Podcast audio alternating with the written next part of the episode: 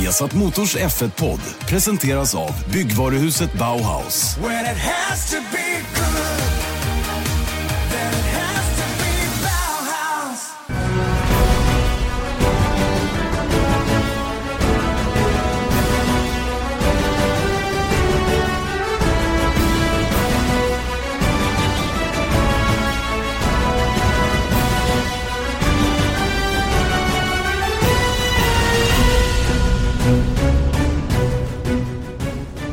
Hejsan! Mycket välkomna till en ny Formel 1-podd. Formel 1-podd inför Storbritanniens Grand Prix och som vanligt är vi uppdelade på två platser. Jag sitter på Silverstone precis eh, in inkvarterad i eh, kommentatorshytten här och Erik Stenborg du sitter i min kommentatorshytt hemma i Stockholm. Eh, välkommen till podden som vanligt. Tack så mycket. Jag sitter samtidigt och kollar på Wimbledon på en tv här inne. Jaha, sådär ja. Så att jag är Wimbledon nästan i England också. Stor det får man väl får man ändå säga. Wimbledon är ett annat sånt där event som eh, brukar avgöras eh, samtidigt som, som Storbritanniens Grand Prix vet jag. Det är många gånger jag har sett finalen när jag kommer till flygplatsen. Nej det kan jag inte göra nej för den är ju senare. Men jag har sett eh, efterspelet av finalen i alla fall när jag kommer till flygplatsen på söndag eftermiddag kväll där. Mm. Det är väldigt sällan man kan flyga hem härifrån redan söndag kväll för köerna är inte att leka med när man ska härifrån. Fast det har blivit bättre. Mycket bättre. Det är mycket bättre. Men fortfarande är det när man ska ut M40 och ner till Heathrow så är det ju eh, det är riktigt, riktigt bökigt. Framförallt sista biten. Jag minns ett år när vi kom, jag tror det var förra året kanske till och med, eller om det är två år sedan. Så kom vi, ja, vi hade kanske 200 meter kvar till avfarten in till flygplatsen. Då hade det hänt en trafikolycka. Och vi kommer precis, det var inte några personskador att tala om så det är inget allvarligt så. Men det var stökigt på vägen. Och eh, när vi kommer fram till platsen så kommer vi inte längre. Men bilar kan liksom rulla förbi olycksplatsen precis. Och just när vi ska köra förbi, då stänger de vägen. Mm, mm, Så där satt vi. Vilka var med i bilen då? Det var jag, Eje och Magnus. Oj, oj, oj. Så att, eh, ingen ingen god stämning i den bilen kan jag säga. Ja, inte till att börja med. Du vet, det var många svordomar och, och sådär. Va? Men, men sen så liksom gav vi upp på något sätt. Va? Det var, fanns ingen anledning att, att vara upprörd över det. Utan det var bara tugga i sig på något sätt. Va? Men, men ehm, så kan det vara när man ska ut härifrån. Och ett annat år här, när vi ändå pratar Silverstone, så stod vi ju då var, då var pressparkeringen bakom, ehm, bakom Cops Corner. Nej, inte bakom Cops, utan bakom Woodcott. Alltså sista kurvan eh, förr i tiden när vi hade den gamla start och målrakan borta innan Cops. Och då, då, eh, då fanns det alltså en utfart från parkeringen. En enda utfart och det stod säkert tusen bilar inne på parkeringen. Det tog utan vidare två och en halv, tre timmar bara att komma ut från parkeringen. Ut på de här små vägarna sen när man skulle vidare. Så att det här med Silverstone har ju, har ju eh, det kan man säga är mentalt utmanande ibland att vara här, mm. minst sagt. Men jag vill ändå poängtera, vi har haft våra duster om att komma till flygplatsen tidigt eller, eller sent. Jag kanske mer tenderar att komma, gilla att komma sent så att man inte behöver sitta där så länge. Men eh, när jag och Mag Magnus var där, jag tror att det var 2010 eller 2011. Mm. Det var första året med nya depåerna. Just det, just det. Det var nog 11 då va? Ja, jag tror det. Ja, hur jag som helst. Då, då skulle vi, vi var där och gjorde tre olika reportage. Vi hade ingen live eh, eh, ja, setup då från, från Silverstone det året. Men då skulle vi åka hem kanske åtta eller någonting på, på kvällen. Eh, alltså racedagen. Och eh, då var då började Magnus noja till frukost liksom. Eh, hur vi skulle kunna ta oss till banan. Jag bara, men vi kommer ju åka innan racet är slut. Så då, då är det ingen... Och Magnus, det är vår fotograf alltså. Eh, mm. Och vi kommer åka innan racet är slut så det är inga, inga problem i år. Han bara, ja, ah, jag vet inte. Du vet så. Och sen så, jag fick alltså mm. kriga eh, för att se starten på plats. Så jag tyckte ändå så här, nu är vi ändå på Silverstone och det är väl kul att se lite Formel 1 också. Han bara, ja, nej. Och sen så du vet, efter första kurvan, han bara, nu åker vi, nu åker vi. Så vi drar, vi drar, ja, vi drar. Så ja, exakt. Och jag tror att vi kom till Heathrow kanske sex timmar innan planet skulle gå eller någonting sånt där. Åh, oh, vad roligt. Det här är verkligen två ytterligheter som möts då, du och Magnus. Det ja. är helt otroligt. Det är en jättekul historia. Ja. Nej, men jag kommer ihåg den här grejen och, och jag vet hur Magnus resonerar. Och dessbättre för Magnus och jag lite lika. Jag är mer åt hans håll än åt ditt håll om man säger. Mm. Det märkte jag att, också eh, i, i, när vi åkte till Bahrain i år också. Det var ju också då skulle du för sig åka på kvällen så det var inte helt lugnt. Men jag iakttog er båda och ni var liksom till och med när vi var igenom security och det var en och en halv timme innan planet skulle gå så var det ändå liksom panik i, i ögonen. Och det var först när ni satte er ner i loungen då utbrast ni liksom så här vilken tur alltså att vi hann. Ja, jag bara, det var ju aldrig, det var ju aldrig, det var liksom aldrig någonsin svårt att hinna men jag skulle också vilja visa film från när, hur, hur vi tog oss till flygplatsen med dig bakom ratten. Nej, gör inte det, är snäll. Gör inte det, är snäll. Nej. Nej. det var inte helt lagligt tror jag, bitvis i alla fall. Nej. Men eh, man gör ju vad man behöver för att hinna. Så enkelt är det. Det är roligt med de här historierna med Silverstone för det, det, är verkligen med hatkärlek som man kommer hit. Eller alla kommer hit med någon slags hatkärlek. För det är, ett, det är ett fantastiskt ställe att komma till. Och just Silverstone och Storbritanniens Grand Prix med all den, all den historia som finns här. Det har alltså körts Formel 1-VM här sedan 1950 och det är en av tre banor tror jag som har varit med alla år. Och eh, det är, ehm, det är fascinerande på något sätt. Eh, dels publiken här som är oerhört ehm, entusiastisk, kunnig. Eh, men samtidigt komma hit till alla vakter som står i precis varenda grind och ska titta och kolla att man är på rätt ställe. Och allting är dubbelt så knöligt. Och, och ja, det, är, det är ett fascinerande ställe att komma till, helt klart. 140 000 personer, de kanske behöver lite liksom för att hålla koll på alla, den folkmassan. Det är väl det som väntas på söndag. Just det, det är väl utsålt här skulle jag gissa. Och eh, det är ju sen man byggde om banan med den här nya delen då som, som jag sitter vid nu i den nya depåbyggnaden så, så utökades ju publikkapaciteten ganska avsevärt. Tidigare var det 80 000 max här inne.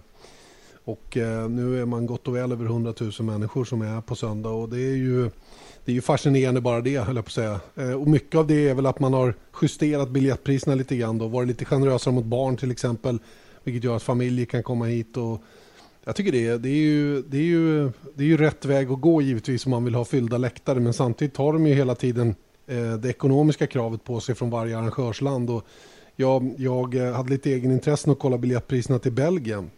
Och de var ju, det var ju fantasisummor verkligen för att, för att köpa tre dagars pass just där. Så att, eh, mm. Men där har de ju bara 40 000 sittplatser istället. Så att... mm. Ja, och så står man i regnet på någon lerig sluttning. Liksom. Det kan man väl för göra på Silverstone också. Det finns ju väldigt mycket general admission där. Oh ja, oh ja, det gör det. Det finns massor med plats eh, utanför läktarna då, men många av läktarna har ju tak över sig här för att man vet att vädret är nyckfullt. Och redan nu på torsdag morgon eller förmiddag när vi spelar in den här podden så, så har det faktiskt regnat lite grann. Inte speciellt mycket, men det är grått och ganska svalt. Vi har bara 17 grader för närvarande. Och det är väl den här typen av väderlek som ska vara nu torsdag, fredag, lördag i alla fall. Sen får vi se hur, hur söndagen ser ut. Söndagen skulle bli lite svalare tror jag om jag har förstått prognoserna rätt. Oj då, med... Vad har du för känslor runt, eh, runt Storbritanniens Grand Prix och Silverstone generellt? Nej, men jag, på något sätt så, jag tror att det är från min tv-spelsålder, liksom när man hade F1 eh, 1997 eller någonting på Playstation 1. Då kommer jag ihåg att Silverstone var tråkigt när man kom till den banan. Men det var nog för att jag liksom, den är inte så publikfriande utseendemässigt tycker jag. Den är platt och det är ett, man vet att det är ett gammalt flygfält och sånt där. Det, det känns inte så häftigt liksom. Eh, rent känslomässigt. Men, men eh, allt efter åren gått så tycker man att det blir väldigt ofta bra race. Alla förare verkar gilla banan. Alltså till den grad att, det är, att de kallar det favoritbana. Eh, och publiktrycket, allting och, och att det är liksom hem landet för Formel 1. Det var, först, det var inte bara 1950 utan det är första F1-loppet någonsin som anordnades på Silverstone. Just det. Och nio av elva team är baserade där i England och, och runt omkring det här området kring Silverstone uppe i Northamptonshire. Mm. Åtta är det va? Åtta kanske det är. Mm. Åtta kanske det är. Vilka, vilka är de andra då? Det är, det är Toro Rosso, det är Sauber. Och Ferrari. Och Ferrari, just det. Åtta team är det. och, Men det är tillräckligt många. Ja, sju och ett halvt i alla fall. Haas har vi ju både i North Carolina och i Banbury. Ban Banbury, och vi såg skyltarna när vi åkte in hit och vi passerar ju Brackley när man åker hit till banan och, och sen är det ju skyltat i Milton Keynes till exempel där, där Red Bull har sin, sitt högkvarter. Brackley i Mercedes. Sen har de ju någon annan fabrik där de håller på med motorerna som inte är långt, långt härifrån. Jag kommer inte ihåg vad det heter nu bara men Bricks, det är också i närheten. Ja just det, stämmer. Woking, vi har McLaren som är i närheten, Enstone ligger inte långt härifrån och så vidare. Va? Så att Force är, India, 100 meter. Ja, verkligen. Det är precis vid entrén i princip som man ser Force Indias eh, faciliteter. Och de är inte jättestora, det har de ju aldrig varit. Och det är ju ett, det är ett av de här privatteamen som väljer att sourca ut det mesta av den produktion som man har då för sina bilar. Och, och det har ju uppenbarligen varit ett, eh, ett vinnande koncept så här långt. Även om de fortfarande har, har det tufft ekonomiskt så har de ändå förvaltat situationen de har bättre än till exempel Sauber då. Mm. Som eh, finns i Schweiz. Eh, ja, nej, vi får se vad det blir för typ av race här. Vi, eh, vi kommer ju ha en banpresentation som är lite större än vanligt den här gången. Rickard Rudell är ute just nu och spelar in och försöker att illustrera det han tycker är de viktiga ställena på den här banan. Nu tror jag inte han har kört i den här nya konfigurationen. Nej, det tror jag inte heller. Men det som är lite kul och en anledning till att vi att Rickard gör det här är också att han var ju med om någonting väldigt bra här på Silverstone 1998. Just det. Och han säkrade titeln i BTCC. Mm. Så det finns ju lite positiva minnen där. Oh ja, han var glad och pigg när han kom hit. Däremot så hade han inte riktigt koll på hur man kommer från parkeringen till paddock. Ja. Eh, det är ju eh, det är ju en liten bussresa som man får göra ifrån, eh, ifrån parkeringen till paddock. Och, och GP2 som han då parkerar vid eftersom han då jobbar med Gustav Malja. Den parkeringen är precis bakom gamla depån, alltså gamla start och målrakan. Sen är det bara kanske 100 meter att gå, 75 meter att gå till en busshållplats som man då ställer sig vid och så kommer en buss och kör en ända in till paddock. Han missade den busshållplatsen så han gick hela vägen. Mm. Och du vet, gå, gå den biten, det är inte långt fågelvägen men det blir oerhört långt när man ska gå de vägar som finns och gå över rätt broar för att komma på rätt sidan banan och hela den biten. Så att han var, han var lite varm när han kom. Mm. Han var ute och sprang också i morse så att han fått röra på sig. Och nu ska han gå runt banan också. Precis, så han får en, eh, han får en och en halv mil innan han är klar ska jag gissa. Mm. Drygt. Det är bra det. Det tycker jag också, det behöver han. han. Han har ju haft lite semester så han kan behöva röra på sig en aning. Ja, sen så är han vi... ungtuppen, ungtuppen i F1-sammanhang också så att han ska väl få känna på det Exakt, också. Exakt, han, han ska slita lite grann extra. Mm.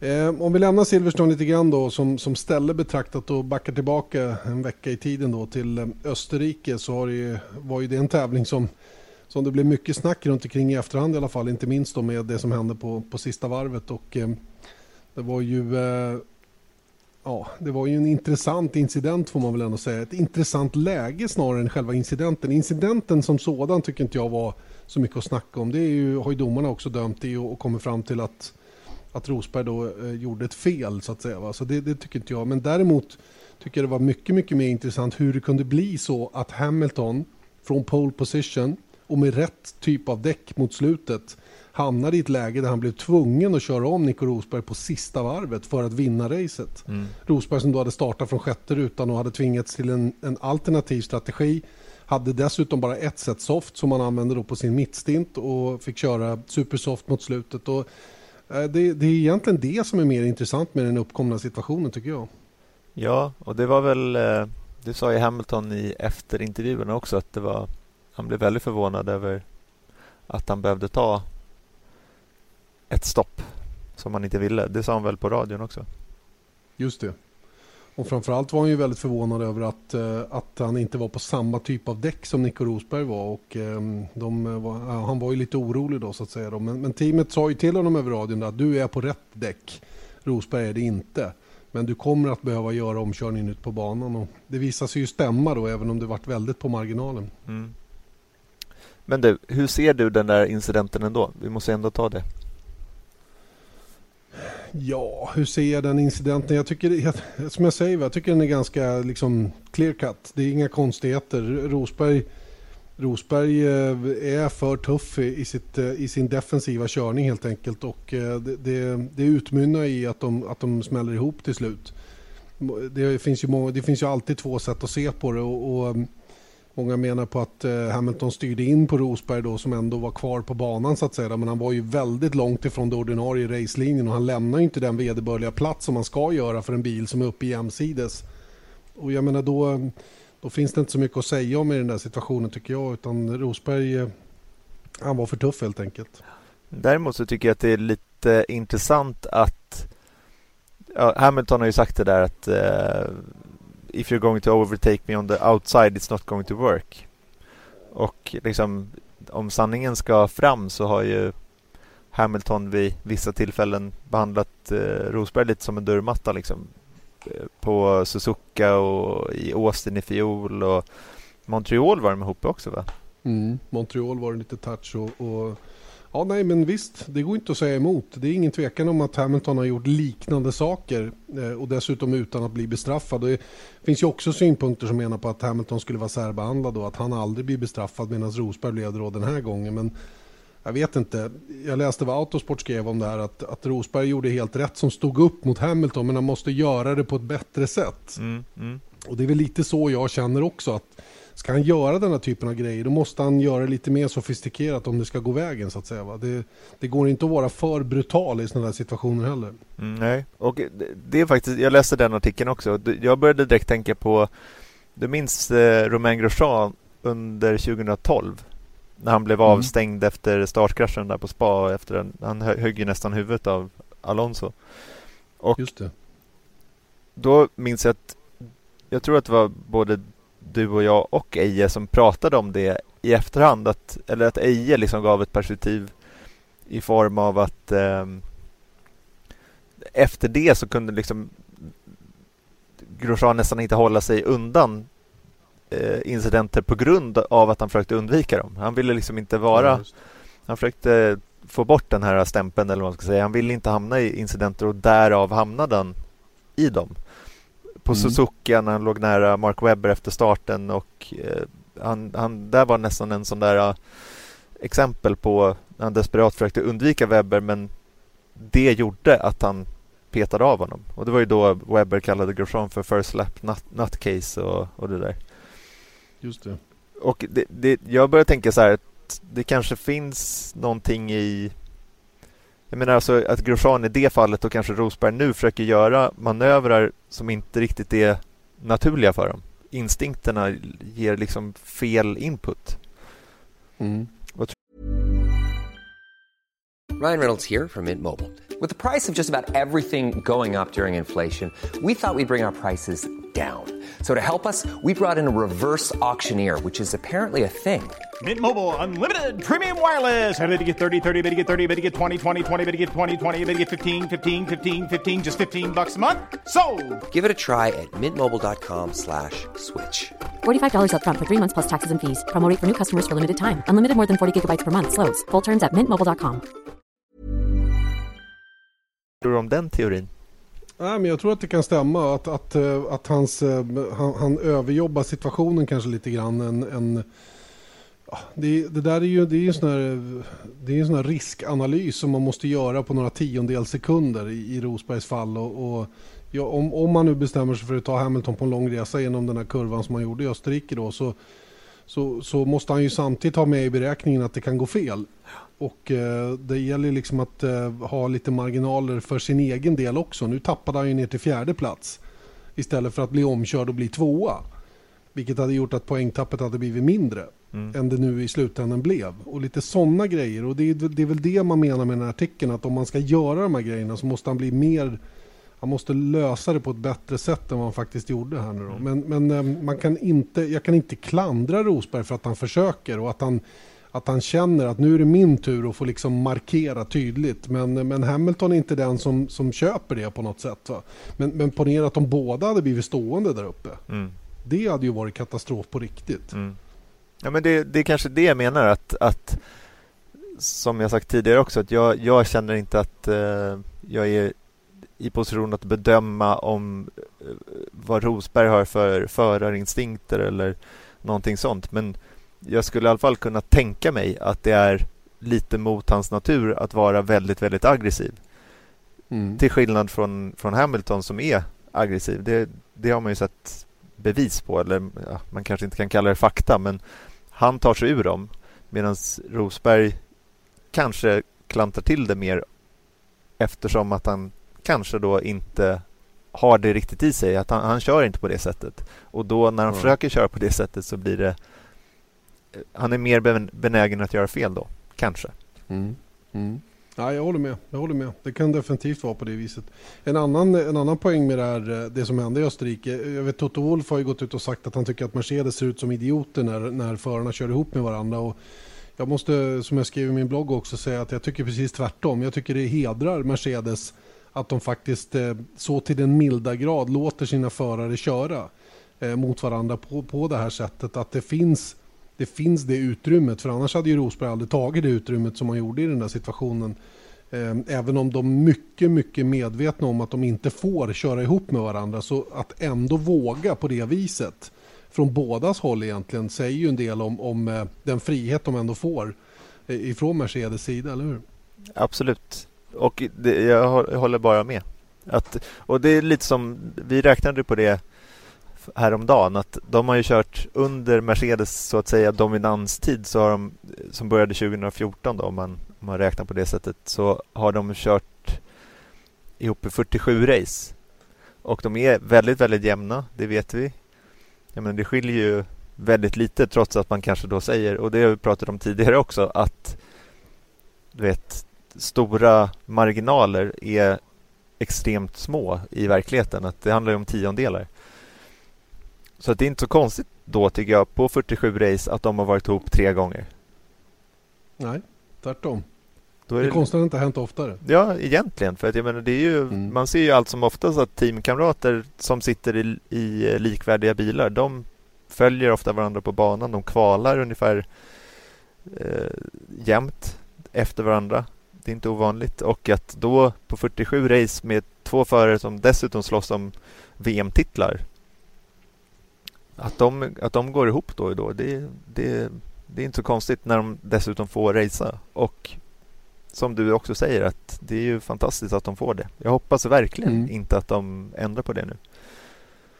Jag tror inte vi kommer att få reda på om de ändrar på det. Det vore dumt av dem faktiskt att vara öppna med att de inför eventuellt teamorder. För de skulle jättelätt kunna lösa det här genom att eh, bestämma i förväg att um, den som är först efter sista depåstoppet, sen håller vi positionerna så att säga. Va? Och det är ingenting de behöver berätta för varandra under pågående race så att säga, utan det är sånt som man kan bestämma i förväg. Och Multi 21. Multi 21, ja exakt. Det, det sket Vettel i högaktningsfullt. Mm. Den uppgjorda, eh, den uppgjorda eh, den, den uppgörelsen som fanns inom Red Bull då. Mm. När var det? 2012 va? Jag tror det. Malaysia. Eh, ja, nej men eh, och det, och det är ju det är sånt vi inte vill se. Jag vill ju se det här. Jag, jag hyllar snarare Toto Wolfen och tycker att de ser ut som idioter. Va? De ska inte vara rädda för varumärket. De ska se det som att de gör Formel 1 en tjänst tycker jag faktiskt. Genom att låta oss få uppleva den här typen av fighter på det sättet som vi faktiskt fick sista varvet senast i Österrike. Speciellt när de är så dominanta i alla fall. Jag menar, Exakt. det finns ingen riktig fara i det än i alla fall. Sen så kan man väl ta nya tag om det verkligen skulle behövas. Men å andra sidan, om, om, man skulle, om de skulle gå på det här med eh, eh, hålla positionen efter sista depåstoppet. De körde av varandra i fjärde kurvan i Spanien. Så att mm. det hade inte riktigt... Ja, ja visst. Självklart. Men det är, en, det är en annan typ av situation det som uppstår där. Där var det ju där var det ju en, eh, en situation som uppstod för att det var tekniskt mankemang, i alla fall en felinställning på bilen. Alltså det, mm. det, det, det, öppnades en lucka och där var det nog rena instinkter som, som agerade eh, hos båda förarna. Sen att de båda två råkade vilja göra samma sak samtidigt, det, det var ju en olycklig omständighet så att säga. Och det tror jag ingen teamorder i världen hade kunnat ändra på om man säger. Nej. Eller hur? Very true. Mm.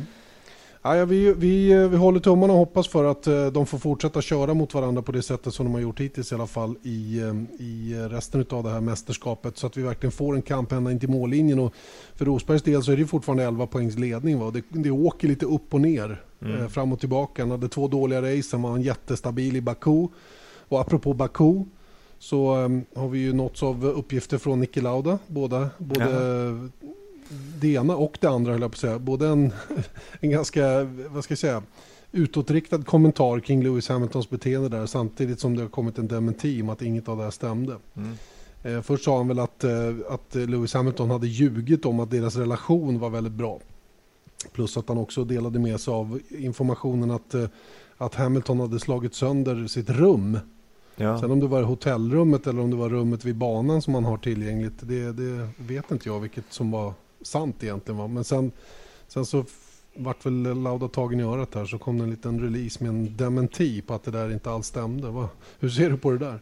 Ja, det, det är bara spekulation men, men eh, ja.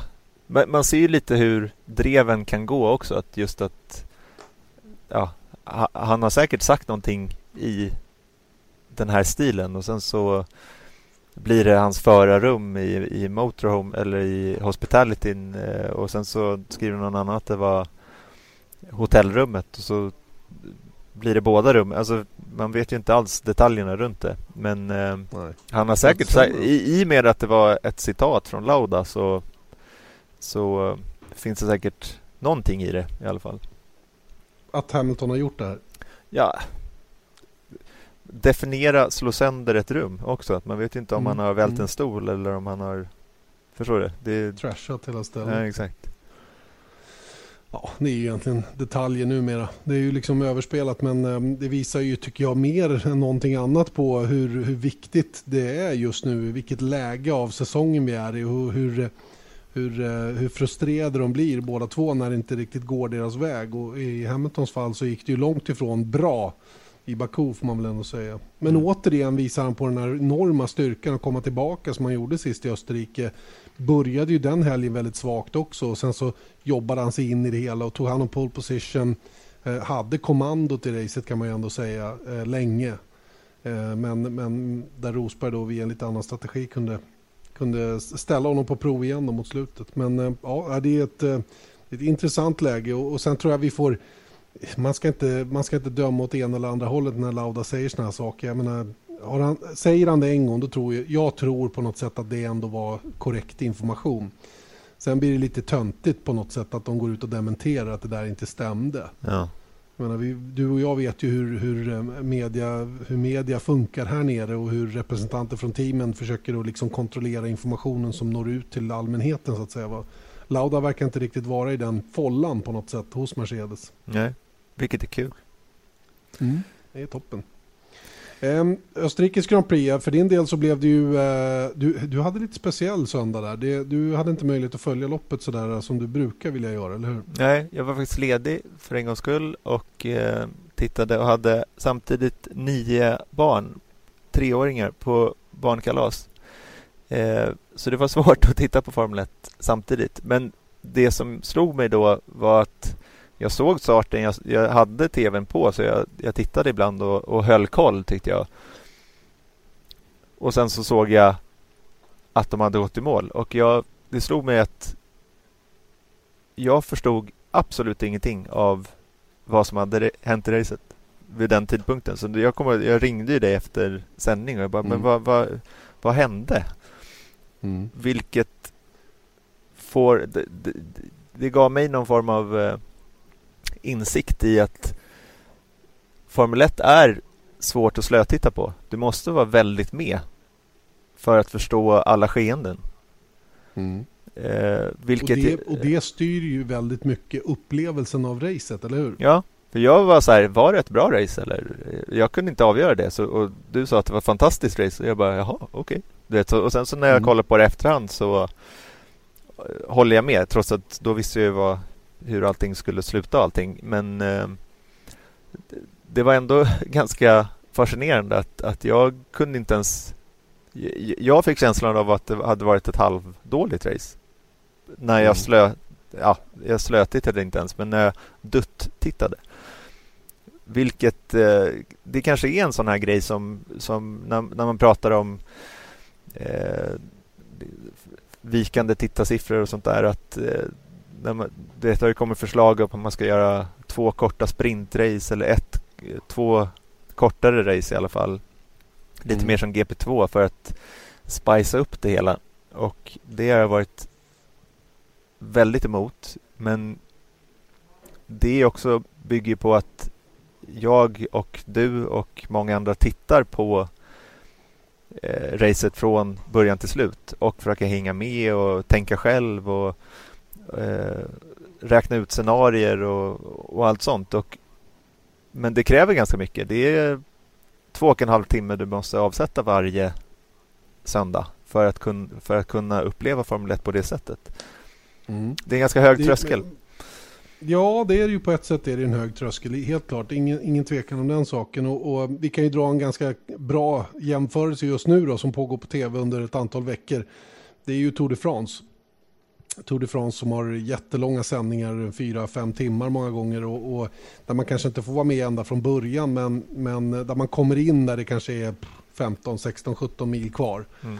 Det är ju en, det är en sport som faktiskt verkligen går att slötitta på eh, och komma in och ut i så att säga utan att man tappar för mycket. Det är ju inte det händelseförloppet på något sätt som, som, som till exempel Formel 1 har. Även om man ibland kan dra den jämförelsen. Det händer ju ingenting i Formel 1 heller säger många och de bara kör runt, runt och och bästa bilen vinner och allt vad det nu är för någonting. Va? Men eh, det, jag tycker det är intressant. Sen, sen, eh, jag är på din sida när det gäller det här med att göra korta race. Det vill inte jag ha. Jag, vill, jag, vill, jag, är, nog, jag är väldigt konservativ när det gäller det. Jag vill ha det här, jag vill ha det här 30 milen så att säga. Va? Det är viktigt för mig att, att verkligen eh, ta ut de bästa över så pass lång distans. Jag skulle till och med kunna sträcka mig att Formel 1 skulle kunna vara ännu längre. Eh, man skulle kunna lägga på en 15 mil till. Mm. Men, men jag inser ju svårigheterna med det, just med, med det du berör här då, att, att det är svårt att få folk att hänga kvar. Sen om vi tittar till själva längden på sändning, eller eh, vad som krävs rent tidsmässigt för att se ett Formel 1-lopp, så är inte det avgörande mycket mer än att till exempel följa en fotbollsmatch med allt det som är före och under och, och efter matchen. Det är ju den tiden och det, det är väl det som gör att formatet på två timmar finns. Ja. Det är väl för att det är liksom gränsen för hur mycket tid man kan begära att folk ska sätta av för att se ett Formel 1-lopp. Mm. Men jag talar egentligen inte emot eh, att, att det ska vara två timmar men, men jag tänker ändå, eller för, jag är traditionalist i, i det avseendet men, men eh, jag tänker ändå på att i det här svårigheten att få in nya tittare, unga tittare som liksom, eh, jag vet ju när man har gått på sådana här Youtube-seminarium och sånt där att som, då pratar alla de som jobbar med Youtube och jobbar med att få spridning på, på film och sånt där att man får absolut inte ha långa fina intron som vi har i tv-inslag och sånt där för då tappar eh, kidsen intresse efter du vet, du, du har typ fyra sekunder på dig att fånga ett intresse. Annars mm. går man vidare till nästa. Och är det så då, då ligger ju Formel 1 ganska risigt till om man drar det och hårdrar det såklart Just det. Men jag tror inte att det är någonting som de ska ignorera från Formel 1 sida. Just utvecklingen så att säga rent generellt. Och det är väl den processen pågår givetvis. Va? Men, men eh, man får gå försiktigt fram med eventuella förändringar på format och vad det nu skulle kunna innebära till höger och vänster. Och jag tycker i min värld, jag som är så pass biten och intresserad av det här så tycker jag ju att vi är närmast optimala just nu med, med två stycken långa träningspass på fredagen. Det finns mycket tid att liksom ta in och känna och hela den grejen. Sen kommer vi till, till lördagen när kvalet kommer. En timme, högintressant. Eh, liksom väldigt, väldigt spännande egentligen från start till mål, höll jag på att säga. Eh, dels med botten utav, utav fältet i, i Q1 och sen eh, mitten när vilka ska gå vidare till, till, eh, till Q3 med de tio bästa som kör vidare. Det, det är ett perfekt format tycker jag.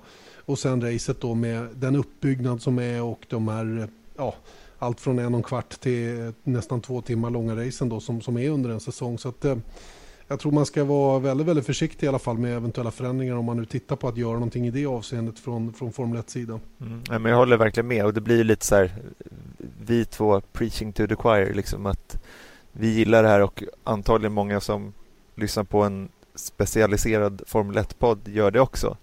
Ehm, men det finns ändå då kommer man ju till den här svårigheten att, att eh, eh hålla de som redan är fans, vilket är många. Det är över 425 miljoner som tittar på Formel 1 varje år. Men hur många är hardcore-fans av dem tror du? Är det 10 procent? Ja, det vet 5 jag inte.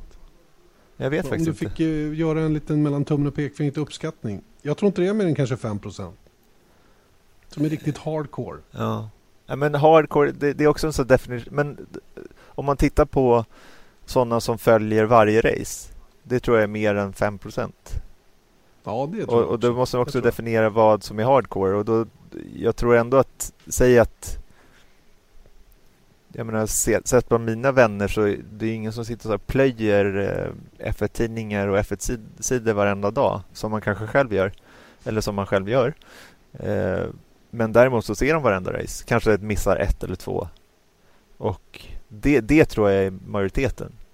Och de är ju okej okay med, med eh, hur det ser ut idag. Men det jag menar är att sen så... Jag vet ju att jag såg några siffror. Då citera mig inte på, på dem, men, men eh, medelåldern... Ja, exakt. Ja, det, ja, du har rätt. Men eh, däremot så, det här är mellan tummen och pekfingret då, att medelåldern är väldigt hög av de som följer Formel 1 globalt. Och då behövs det ju någon gång i framtiden kommer det behöva justeras antagligen för att följa med i tiden. Mm. Och det är som sagt, det är ja. ingenting jag förespråkar men, men någonting kommer behöva göras antagligen och förhoppningsvis blir det inga sådana här utslagskval eller, eller sånt där utan man kan ju ta det bit för bit i så fall. En annan, en annan parallell som finns tycker jag är, är längdskidåkning. Mm. Längdskidåkning har ju en massa traditionella eh, äldre skulle jag säga då, eh, anhängare som, som tycker att det här med enskild start, det är grejen en fem mil den ska vara en jättelång sändning där varje startar med en halv minuts mellanrum och man, man kör mot tider och så vidare. Va? Man har ju gått ifrån det då för att få kortare tid på fem milen, till exempel fem milen. Nu kör man gemensam start och alla åker tillsammans tills dess att man kommer fram till sista 7-8 kilometerna. Då kanske det börjar hända lite grann. Mm. Oftast inte ens det. Det är klart att det är de starkaste som är kvar i slutet men, men oftast är det ju spurtuppgörelser numera där det är mer ett taktiskt spel än, än det var tidigare då när, när det var de här härliga, tycker jag, bataljerna rent tidsmässigt och man såg eh, skidåkarna gå upp och ner i hur starka de var under vissa delar av loppet och så vidare. Vi har ju även införandet av sprint, sprinttävlingar i skidåkning som inte var på kartan mm. för eh, inte vet jag, 20-25 år sedan. Det var ju bara otänkbart att uh, hålla på med sprintskidåkning. Man tyckte det var fånigt. De var bara, de var bara lata som inte orkade åka längre än 1500 meter. Mm. Men det vet vi att så är ju inte fallet, tvärtom. Nej. Det är ju kanske den tuffaste disciplinen av alla.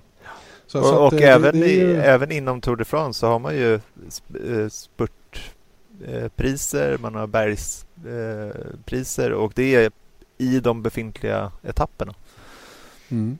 Skulle det kunna vara något för Formel 1 att ha del, delmål under racet? Man eh, i Nascar har man ju antal ledda varv och att vara i ledningen är värt någon poäng och hela sådana grejer. Skulle det kunna vara någonting som skulle kunna krydda anrättningen tror du? Mm. Ja, då får jag börja direkt tänka på Ecclestones förslag med eh, plötslig eh, vatten på banan och, och sådana där grejer. Men däremot så, jag, ja, alltså det skulle vara intressant att se att om man hade fem varv och då är det snabbast total tid över fem varv eller någonting sånt där. Jag, mm. Bara från höften nu men, men eh, och då kanske man får ett extra poäng eller någonting som är ja, jag vet inte hur man skulle räkna ut det men, men eh, man kanske skulle kunna införa någonting som händer i de befintliga 30 milen som vi kör idag. Ja, och det här med att ta i GP2 får man ju till exempel extra poäng för pole position som, eh, som eh, också har diskuterats i Formel 1 som skulle kunna vara en möjlighet för ett, ett sämre team till exempel att faktiskt skaffa sig några poäng då. Det är ju ändå en strid på kniven om att ta de där racepoängen som gör att man får eh, återbetalning av pengar och sådana saker. De, de sämsta teamen de har ju nästan aldrig någonting att köra för. Nu lyckades Manor ta en poäng senast här och, och och sannolikt säkra då näst sista platsen i konstruktörs-VM på det sättet. Men om de fick mer möjligheter att eh, Ja, nu, nu, nu när, vi, när vi kvalar med, med uh, ingen bensin i bilarna, förr var det ju start, startmängd bränsle, då kunde man ju laborera med om man ville vara med och slåss om pole position genom att köra väldigt lite bränsle mm. i bilen då under ett kval. Men idag är det ju inte riktigt på det viset. Va? Men det kanske är sådana saker som, som skulle kunna göra att man skapade någon form av delmoment i racen då som, som kunde generera i någon enstaka poäng som faktiskt kunde få stor betydelse för ett lite mindre team. De stora teamen, visst en poäng kan skilja, det kan betyda allt från VM-titel till, till en andra eller tredje plats. Men, men sådana grejer kanske är något som de behöver kolla på. Mm. Jag tror i och för sig att poäng för kval och sånt, det, det känns ju lite sett till hur startgriden har sett ut i år med Mercedes i pool väldigt mycket. Då skulle ja, de nej, bara... Det är det jag menar. Ja, det, det, kan bli lite konstigt men, men kanske en sån sak som att alla får poäng. Mm. Kanske skulle kunna vara något för då finns det ju jag menar det finns ju incitament ändå för eh, säg Eriksson som ligger 15 att bli 14 istället. Det är ju bättre. Så, och det skulle ju de ja. försöka. Men däremot om, om det handlar om en poäng till då det kan ju betyda mycket mer då. Fast nu ska vi vara klara över en sak, att det fungerar redan på det viset egentligen. Ja, exakt, men det blir mer tydligt. Eftersom Ja, det blir det ju. För tittaren blir det tydligare om det är faktiskt är på riktiga poäng man kör om. Men, men i, för att förklara det för alla som inte är med på det så är det ju faktiskt så att placeringarna utanför poängen är ju lika mycket värda som om de vore värda poäng. Ja. Eh, det, det, det, är ju, det är ju eh, sånt som också styr hur man hamnar i mästerskapet så att säga. Då. Men det skulle ju göra större skillnad i tabellen också. Huruvida jag menar nu, nu ligger Eriksson eh, näst sist och Nasser sist. Och Eriksson ligger näst sist tack vare två tolfteplatser. Eh, Nasser har en. Men jag menar, då blir det ett, ett tydligare snitt. Liksom att om man kommer eh, en, en poäng mer, det kan ju förskjuta. Nu, nu måste ju, eh, för att Nasser ska gå om Eriksson så måste han hamna 11 eller. 12 två gånger till. Då går han om. Just det. Eh, och, och, det blir en, ett längre perspektiv då på sådana Just det. Frågor. Det är svårare ja, än. Att, än att han skulle ta enstaka poäng då för placeringen. Ja. Nej, men det, det är sant. Ja. Ja, vi får se vad som kommer att hända. Det, är, går inte att slöa titta på Formel 1 i alla fall. Det är slutsatsen i denna långa, långa utläggning. Ja, intressant tycker jag. Det var bra. Ja, verkligen. Mm. Eh, intressant också är ju eh, de ryktena som har kommit ut angående Sauber. De fortsätter att vara ganska ihärdiga. Eh, det är väl ingen hemlighet längre att en ekonomisk lösning är på gång. Så långt är väl alla överens känns det som. Mm. Det senaste som har kommit ut är ju en brasiliansk journalist som har eh, skrivit en artikel som menar att det är personer bakom Marcus Eriksson då, som skulle ha köpt teamet eller ordnat den här ekonomiska lösningen. Och det är ju ingenting vi kan bekräfta överhuvudtaget. Dels för att ingenting är officiellt. Det finns inget officiellt runt omkring då. Alla tiger ju som muren runt omkring där. Och att, eh, att eh, någon person, någon svensk person eller vad det nu ska vara som det spekuleras i skulle gå in och köpa ett Formel 1-stall. Det känns ju som en eh, utopi. Mm, det måste jag säga. Och att ett företag skulle göra det. Ja. Ett, att liksom ju... eller även om det är business to business eh, eller kommersiellt företag. Att ja, i och för sig. Red Bull har gjort det. Så att, men, men då är det väldigt eh, brandat, så att säga. Mm. Eh, det har ju pratats, många frågar mig, är det Ikea som går in? Mm. Eller Volvo har någon frågat mig. Ja, ja visst. Nej, men det är ju att Ikea skulle gå in i Formel 1, det finns ju inte. Jag menar, deras, deras kunder är ju långt ifrån några högoktaniga människor om vi får säga så då, i många fall, även om det är väldigt brett hur många som handlar på Ikea. Men jag tror att hela det företagets filosofi är så långt ifrån motorsport som man kan komma. Även om de är rika och säkert skulle ha råd ja. så tror jag ändå inte att de, de rent, ehm, rent policymässigt skulle kunna tänka sig ens att gå in i, for, i Formel 1 eller motorsport överhuvudtaget. Nej, alltså i, enda anledningen ett företag går in i Formel 1 är ju antingen för att synas och att, eller liksom visa sitt varumärke. Eller att de har någonting med, som Haas till exempel, som håller på med machine tools och eh, för teknikindustrin. Där finns det en tydlig koppling, men eh, bokhyllan Billy liksom, eh, för att promota Ikea i Formel 1, jag vet inte riktigt om de hör ihop. Nej, den kopplingen är svår att göra. Och skulle man nu vara en person som inte vill synas och på något annat sätt eh, köper in sig i ett stall för att på sikt kanske tjäna pengar på affären eller vad det nu kan vara genom business to business eller vad det nu kan vara så är det ju ännu mindre sannolikt att det skulle vara något svenskt bakom så att säga en, en sån satsning. Mm. Ja, du menar för eh, ekonomiskt eller på hur menar du? Ja, men alltså att det, det känns inte som det har ju, det, den traditionen finns ju inte i Sverige överhuvudtaget. Och, och, jag vet inte, jag vet inte riktigt var man får sånt ifrån så att säga. Men det är det, ganska stort. Ja. Det är ett stort steg att supporta en förare in i Formel 1 till att köpa ett Formel 1-team om, du, om du förstår vad jag menar. Mm, absolut. Men eh, när ska det här...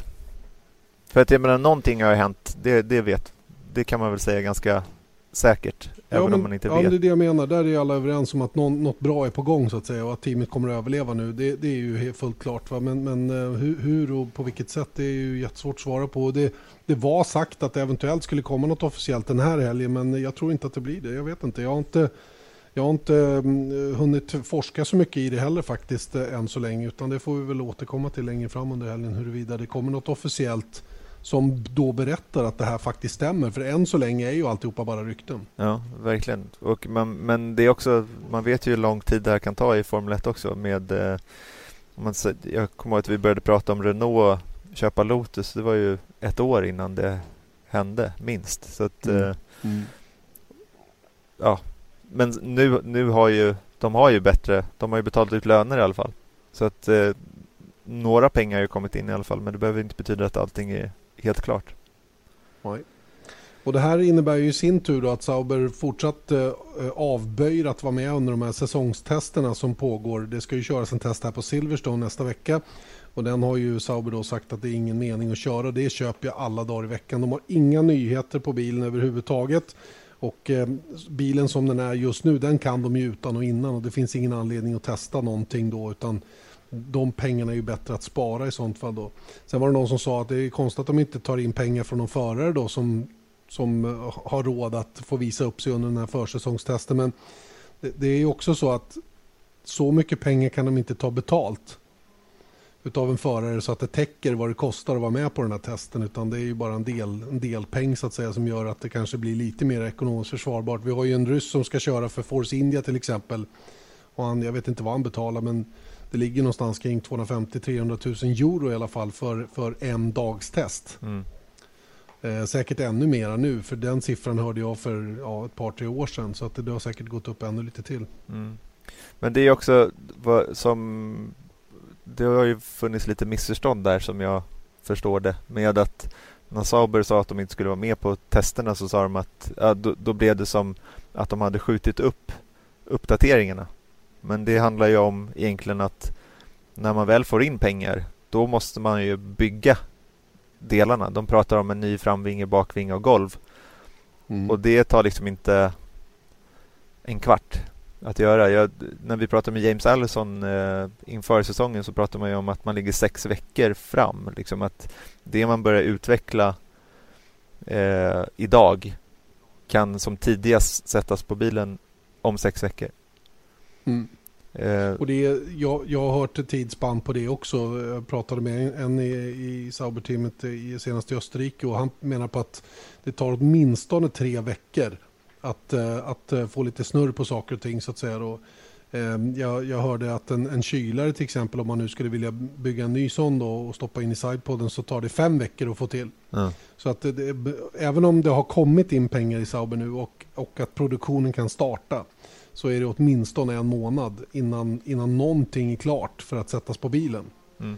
Så att eh, skulle det nu vara så att man, eh, man har fått lite ordning på saker och ting så tror jag inte vi får se några nya delar förrän tidigast, tidigast eh, Ungern. Mm. Eh, men, men mer troligt är i sånt fall att det kommer lite nya delar på bilen till till exempel Silverstone, eller inte Silverstone utan Spa. Ja. Som är en bra bana att testa nya aerodynamiska grejer på också. För där kan man verkligen få, få bra siffror ifrån, från aerodynamiken på bilen och sånt som man kan ha nytta av under resten av säsongen. Ja. Så det är väl kanske Ungern, kanske Tyskland. Men mest roligt Spa. spa. Mm. Mm.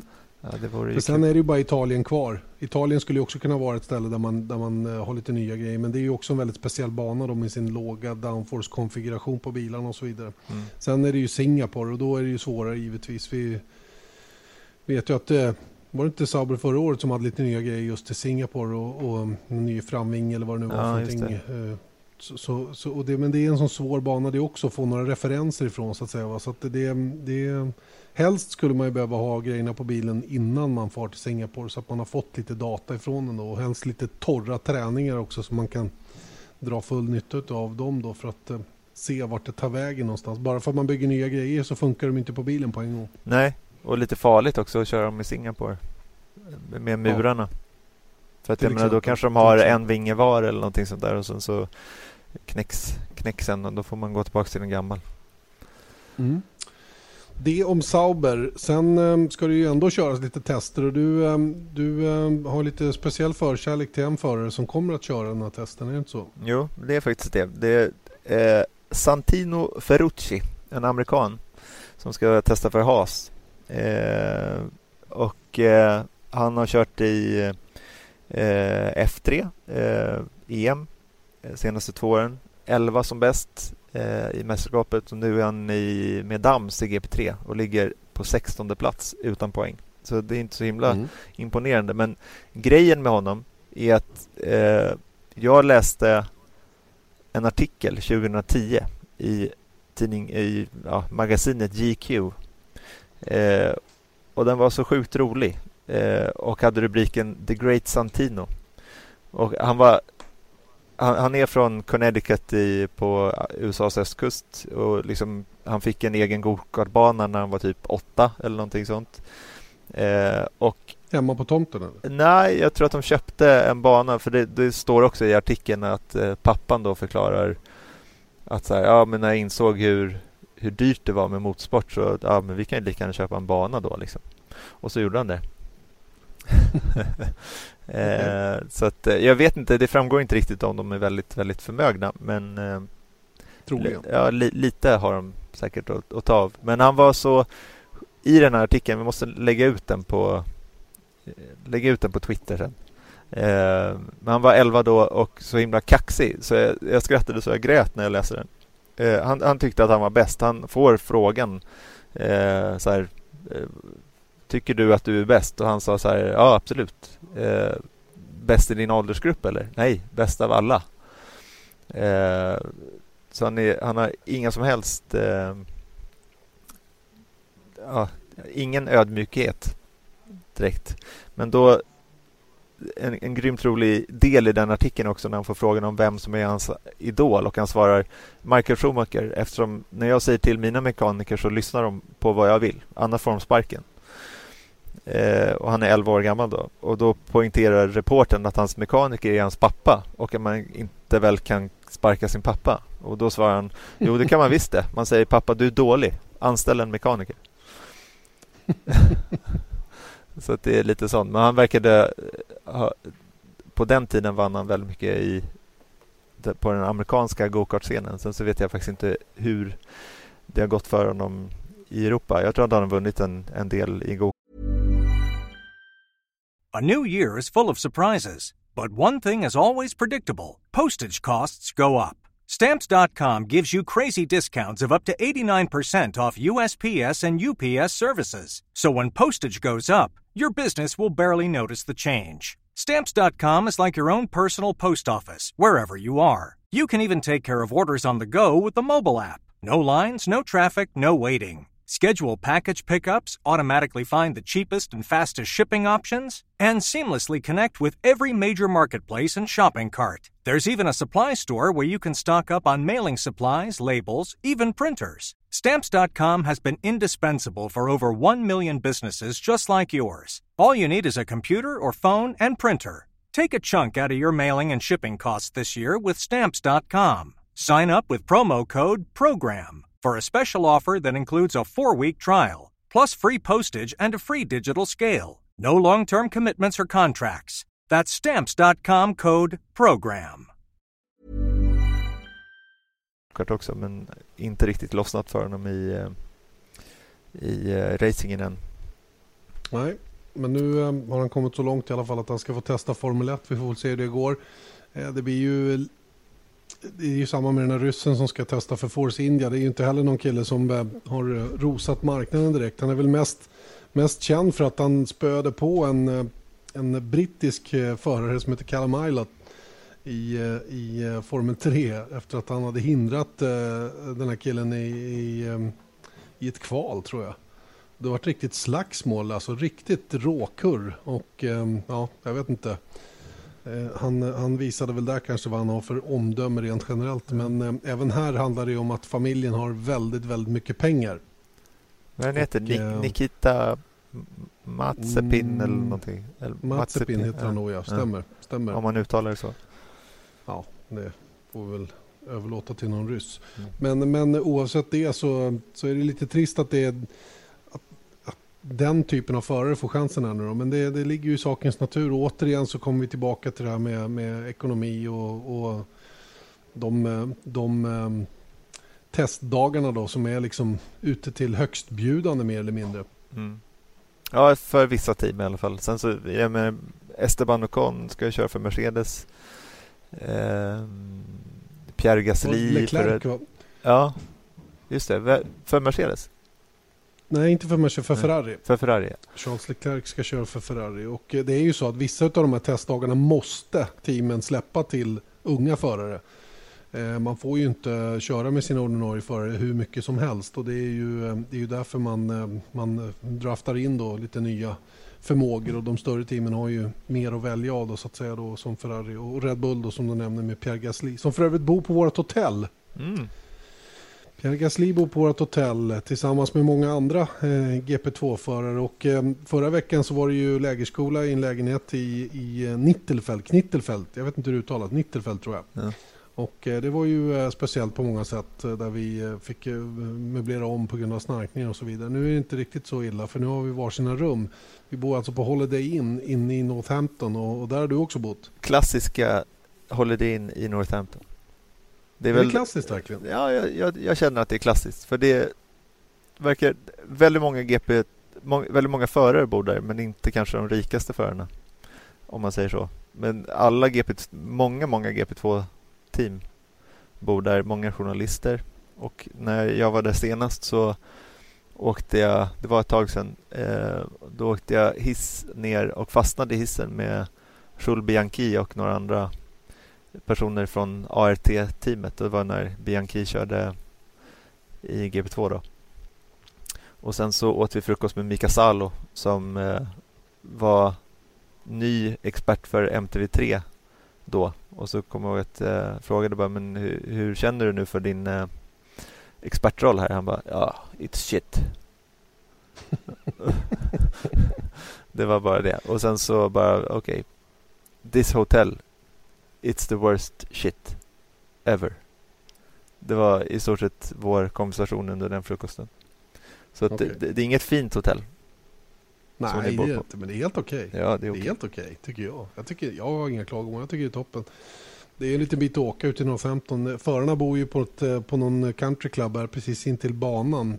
De flesta av dem i alla fall och eh, har betydligt närmare att ta sig hit. Men eh, Eh, annars är det ju väl utspritt eh, runt omkring i området här var man bor någonstans. Jag har väl bott i Milton Keynes ett år tror jag. Det tyckte jag var helt okej. Okay. Men oftast har man ju bott inne i 015 då som, som, eh, som är den kan man säga närmsta staden, eller större staden i alla fall, till Silverstone. Och jag måste säga att jag tycker att hotellet håller helt okej okay kvalitet faktiskt. Och det är lite roligt när man sitter och käkar frukost där. Det dundrar ner lite förare så man kan snacka med lite hastigt om man har tid och möjlighet till det. Om de tycker det är roligt själv.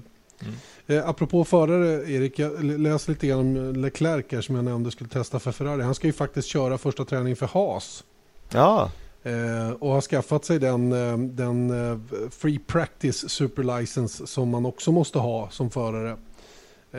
när han körde en 2014 års Ferrari på Fiorano och gjorde då de antal mil som krävs för att få för att få köra friträning då, så att säga, under en ordinarie helg. Och han kör ju normalt sett i GP3 och eh, det kommer att bli tajt om tid mellan den här träningen och, och hans eh, GP3-träning som han ska köra också då. Så att vi får se hur han klarar av det där. Men han, eh, även om han erkänner att det kommer att bli tufft så är det naturligtvis en jättemöjlighet för honom att få, få testa det. Det här är ju också ett led i samarbetet mellan, mellan Haas och Ferrari givetvis då där Charles Leclerc då, han är från Monaco för övrigt, kommer att eller han ingår ju i Ferraris Driver Academy, Young Driver Academy just det. det kul för honom att få testa. Ja, men du, va, kan inte du klargöra det här med Esban och Con? Han är ju för två team. Ja, det kan man verkligen säga. Han, Esteban Ocon är alltså anställd av Mercedes. Han kör ju för Mercedes i DTM och tillhör Mercedes, punkt slut.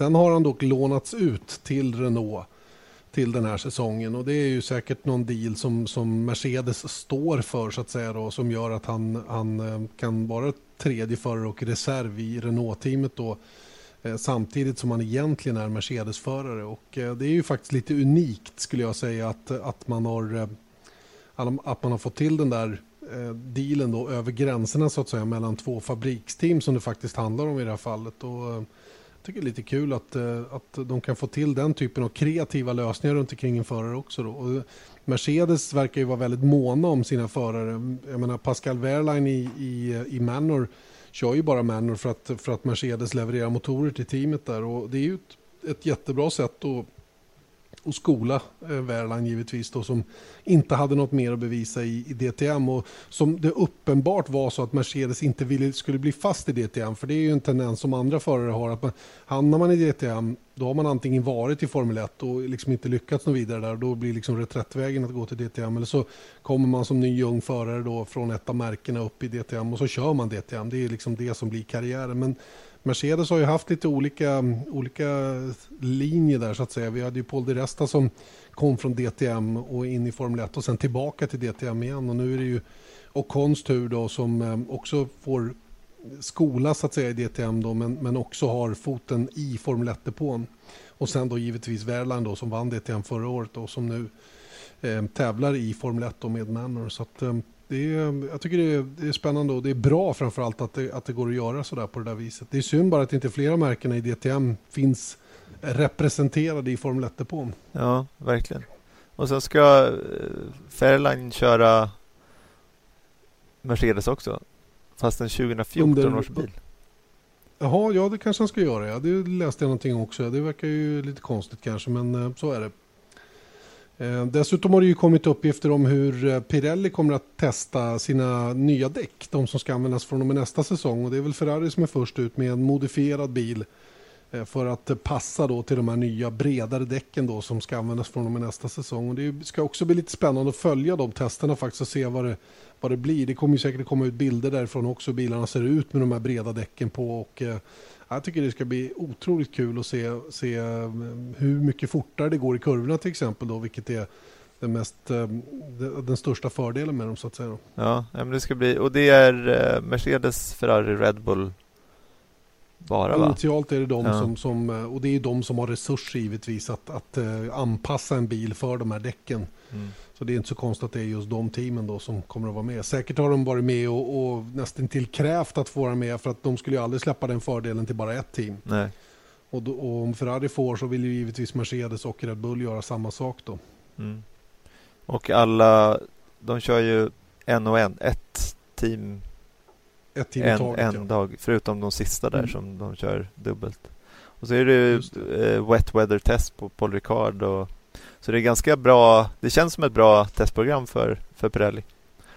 Vilket de mer eller mindre också krävde att få för att introducera de här nya däcken då redan till nästa säsong. Det är ju ett eh, drygt arbete att testa fram och i och med att det är så svårt för Pirelli att få tillgång till en modern bil eh, Egentligen skulle man ju önska att någon, att till exempel Dalara byggde en bil om någon hade råd att betala ja, Dalara ja. för det att bygga en bil efter de specifikationerna som vi ska ha nästa år. Ja. En helt obunden bil som inte har någonting med något team att göra som Pirelli kunde ha tillgång till och testa sina nya grejer på. Det, det skulle ju vara perfekt om det gick att få till och det, det, det är bara synd att den typen av lösningar är lite för dyr.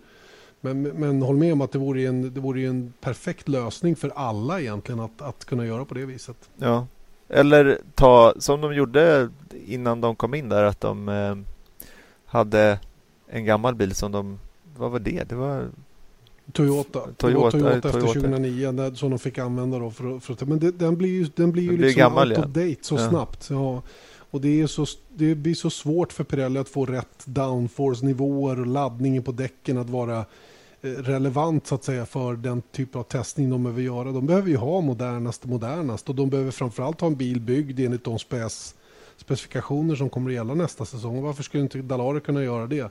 Det vore väl toppen om man kunde hitta någon affärsidé där man kunde starta ett testteam eh, som Pirelli kanske var delfinansiär i men som också kunde finansieras på andra sätt och där skulle man också kunna ha möjligheter att prova lite olika förare och sådana mm. saker. Jag tycker det vore en toppen idé att kunna få till att eh, kanske Formel 1 tog en del av sina pengar och stötte in i en sån satsning för att eh, och det, den bilen skulle kunna finnas tillgänglig för vilken däckfabrikant det än skulle vara. Det behöver inte vara just Pirelli men förstå vilken möjlighet att verkligen kunna ta fram en produkt som alla är nöjda med redan från start så att säga. Då. Ja. Å andra sidan så tror jag att av kostnadsskäl är det säkert mer kostnadseffektivt i alla fall att ha en befintlig som de gör nu. Nu verkar de ju hyfsat överens över det. Skulle säkert vara någon som eh, tjurar ut över eh, Haas fördelar med Dalara och mm. sånt där om man skulle gå, gå på sånt Självklart. också. Självklart finns det den aspekten på det också givetvis. Va? Och det här kräver ju en viss sekretess runt omkring för att det skulle kunna gå att genomföra. Va? Men, men eh, det allra bästa är ju givetvis att, att, man, eh, att man kan kontinuerligt testa med de befintliga teamen, att alla teamen är med på däcktester och att man mm. under nästa, jag menar tillbaka till den gamla goda tiden så att säga då, om, om jag då mot mina principer säger att det var bättre förr så, så hade man i alla fall möjlighet att testa fram däck på ett bättre sätt förr än vad man har idag. Mm, absolut. Sen så behöver de inte ha lika många. De behöver inte ligga i 14 dagar och köra 700 blandningar bara. Nej. Nej, jag brukar dra den storyn om Ferrari där de testade 137 olika gummiblandningar under en säsong med sin speciellt dedikerade däcktestarbil tillsammans med Bridgestone. Ja. Det var ju helt otroligt egentligen vilka pengar som spenderades på den tiden där, där Ferrari alltså byggde ett fjärde chassi. Då hade man ju två tävlingsbilar, en reservbil och så ett fjärde chassi som bara var för Bridgestone att testa däck med. Ja. Och det var ju givetvis och de specifikationerna som Ferrari hade, det var ju ingen annan som fick tillgång till. Nej. Så det var ju den fördelen de skaffade sig genom att göra på det viset. Men, och det är väl Ferrari i ett nötskal det, där trial and error. Det är ju så de, det är så de har jobbat förr om åren och det är väl det som har gjort att det har varit lite svårt för dem när möjligheten att testa på bana har blivit så, så knapp numera. Där man måste liksom bygga bilarna i teorin mer eller mindre och hoppas att det fungerar när de väl kommer på banan. Ja, och det funkar ju det funkar hyfsat, ja. man väl ändå säga. Oftast. Oftast gör det det. Hör du, eh, ska vi ta och runda av den här podden då med att eh, påminna om lite tider? Jag ska försöka ta fram dem lite snabbt här nu så att vi har koll på läget för eh, resten av den här helgen. För det kan ju vara nog så viktigt med eh, när eh, saker och ting ska köras här. Och då gäller det snabbt som 17 att hitta det. Här har vi det. Och då startar träning 1, eh, svensk tid då klockan 11. Precis som vanligt höll jag på att säga. Det är ju inte det en timme senare än vanligt. Eh, 10.55 drar eh, första träningen igång och det andra passet då svensk tid startar 14.55. Däremot är vi tillbaka på ordinarie tid lagom till lördag. Då startar nämligen träning 3 klockan 11, det vill säga sändningen då 10.55 och kvalet då startar svensk tid då 14.00. Det innebär att vi startar sändningen 13.40. Och sen kör vi då racet på söndag, svensk tid klockan två. Det innebär att vi då startar vårt uppsnack inför Storbritanniens Grand Prix 13.15. Yes, det var sir. rätt va? Det var rätt. Det var rätt. Och var eh, ni får inte missa det nu för nu har vi eh, på lördag kommer ni få träffa Max Verstappen som du ska träffa lite senare eftermiddag och eh, prata om hans eh, kometkarriär i Formel 1 och eh, inte minst eh, pallplatsen senast. Och sen även på söndag Nico Rosberg, mästerskapsledaren, exklusivt intervju med Janne Blomqvist. Och eh, även då Rickard Rudells track presentation på söndag. Just det, så är det. Ska jag även nämna då att vi eh, givetvis eh, även den här helgen visar GP2 då med våra svenskar Gustav Malja och Jim Eriksson. Där eh, det första racet startar eh, 15.40 det betyder att sändningen drar igång 15.35 på lördag eftermiddag. 15.35 lördag eftermiddag alltså. Sen har vi GP2 Race 2 då som startar svensk tid precis som vanligt då 10 och 25, eh, Det betyder att vi startar sändningen 10.20. 10.20 alltså. Och det är söndag förmiddag som gäller då för GP2 Race 2. Mobil, eh, mobil Supercup, eller säga, Porsche Supercup kör ju också precis som vanligt 11.40 eller 11.35. Det är lite fem minuter tidigare som det verkar och det innebär då att sändningen startar eh, 11.30 eh, svensk tid. Vi är ju en timma före er eh, här i England då än vi är eh, när det gäller svensk tid. Har vi fått med allting då tror jag? Ja, highlights på TV10 på kvällen. Just det, vilken där. tid? 21.00? Ja, jag tror att det är 21.00. Det blev lite eh, sura miner där i söndags för att eh, highlightsen flyttades fram till klockan åtta. Vi gjorde ändringen i våra system på torsdagen innan helgen och, eh, men eh, det plockades inte upp av alla outlets så det var många som eh, tittade på tv klockan 21 men då var det slut tyvärr. Men det var ja, det är inte så kul. out of our hands tyvärr men eh, eh, om det skulle ske igen så skulle vi, kommer vi självklart vara på de andra tablåsidor och eh, papperstidningar och sånt så att de får med den ändringen. Bra. Då, eh, då säger vi så tycker jag. Det tycker jag.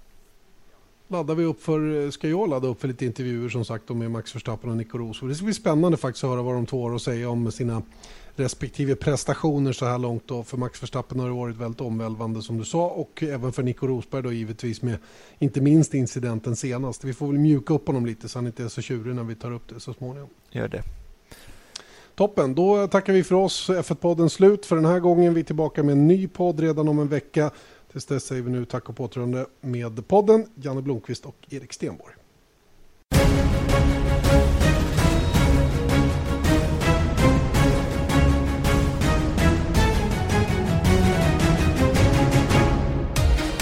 Vesat Motors F1-podd presenterades av byggvaruhuset Bauhaus.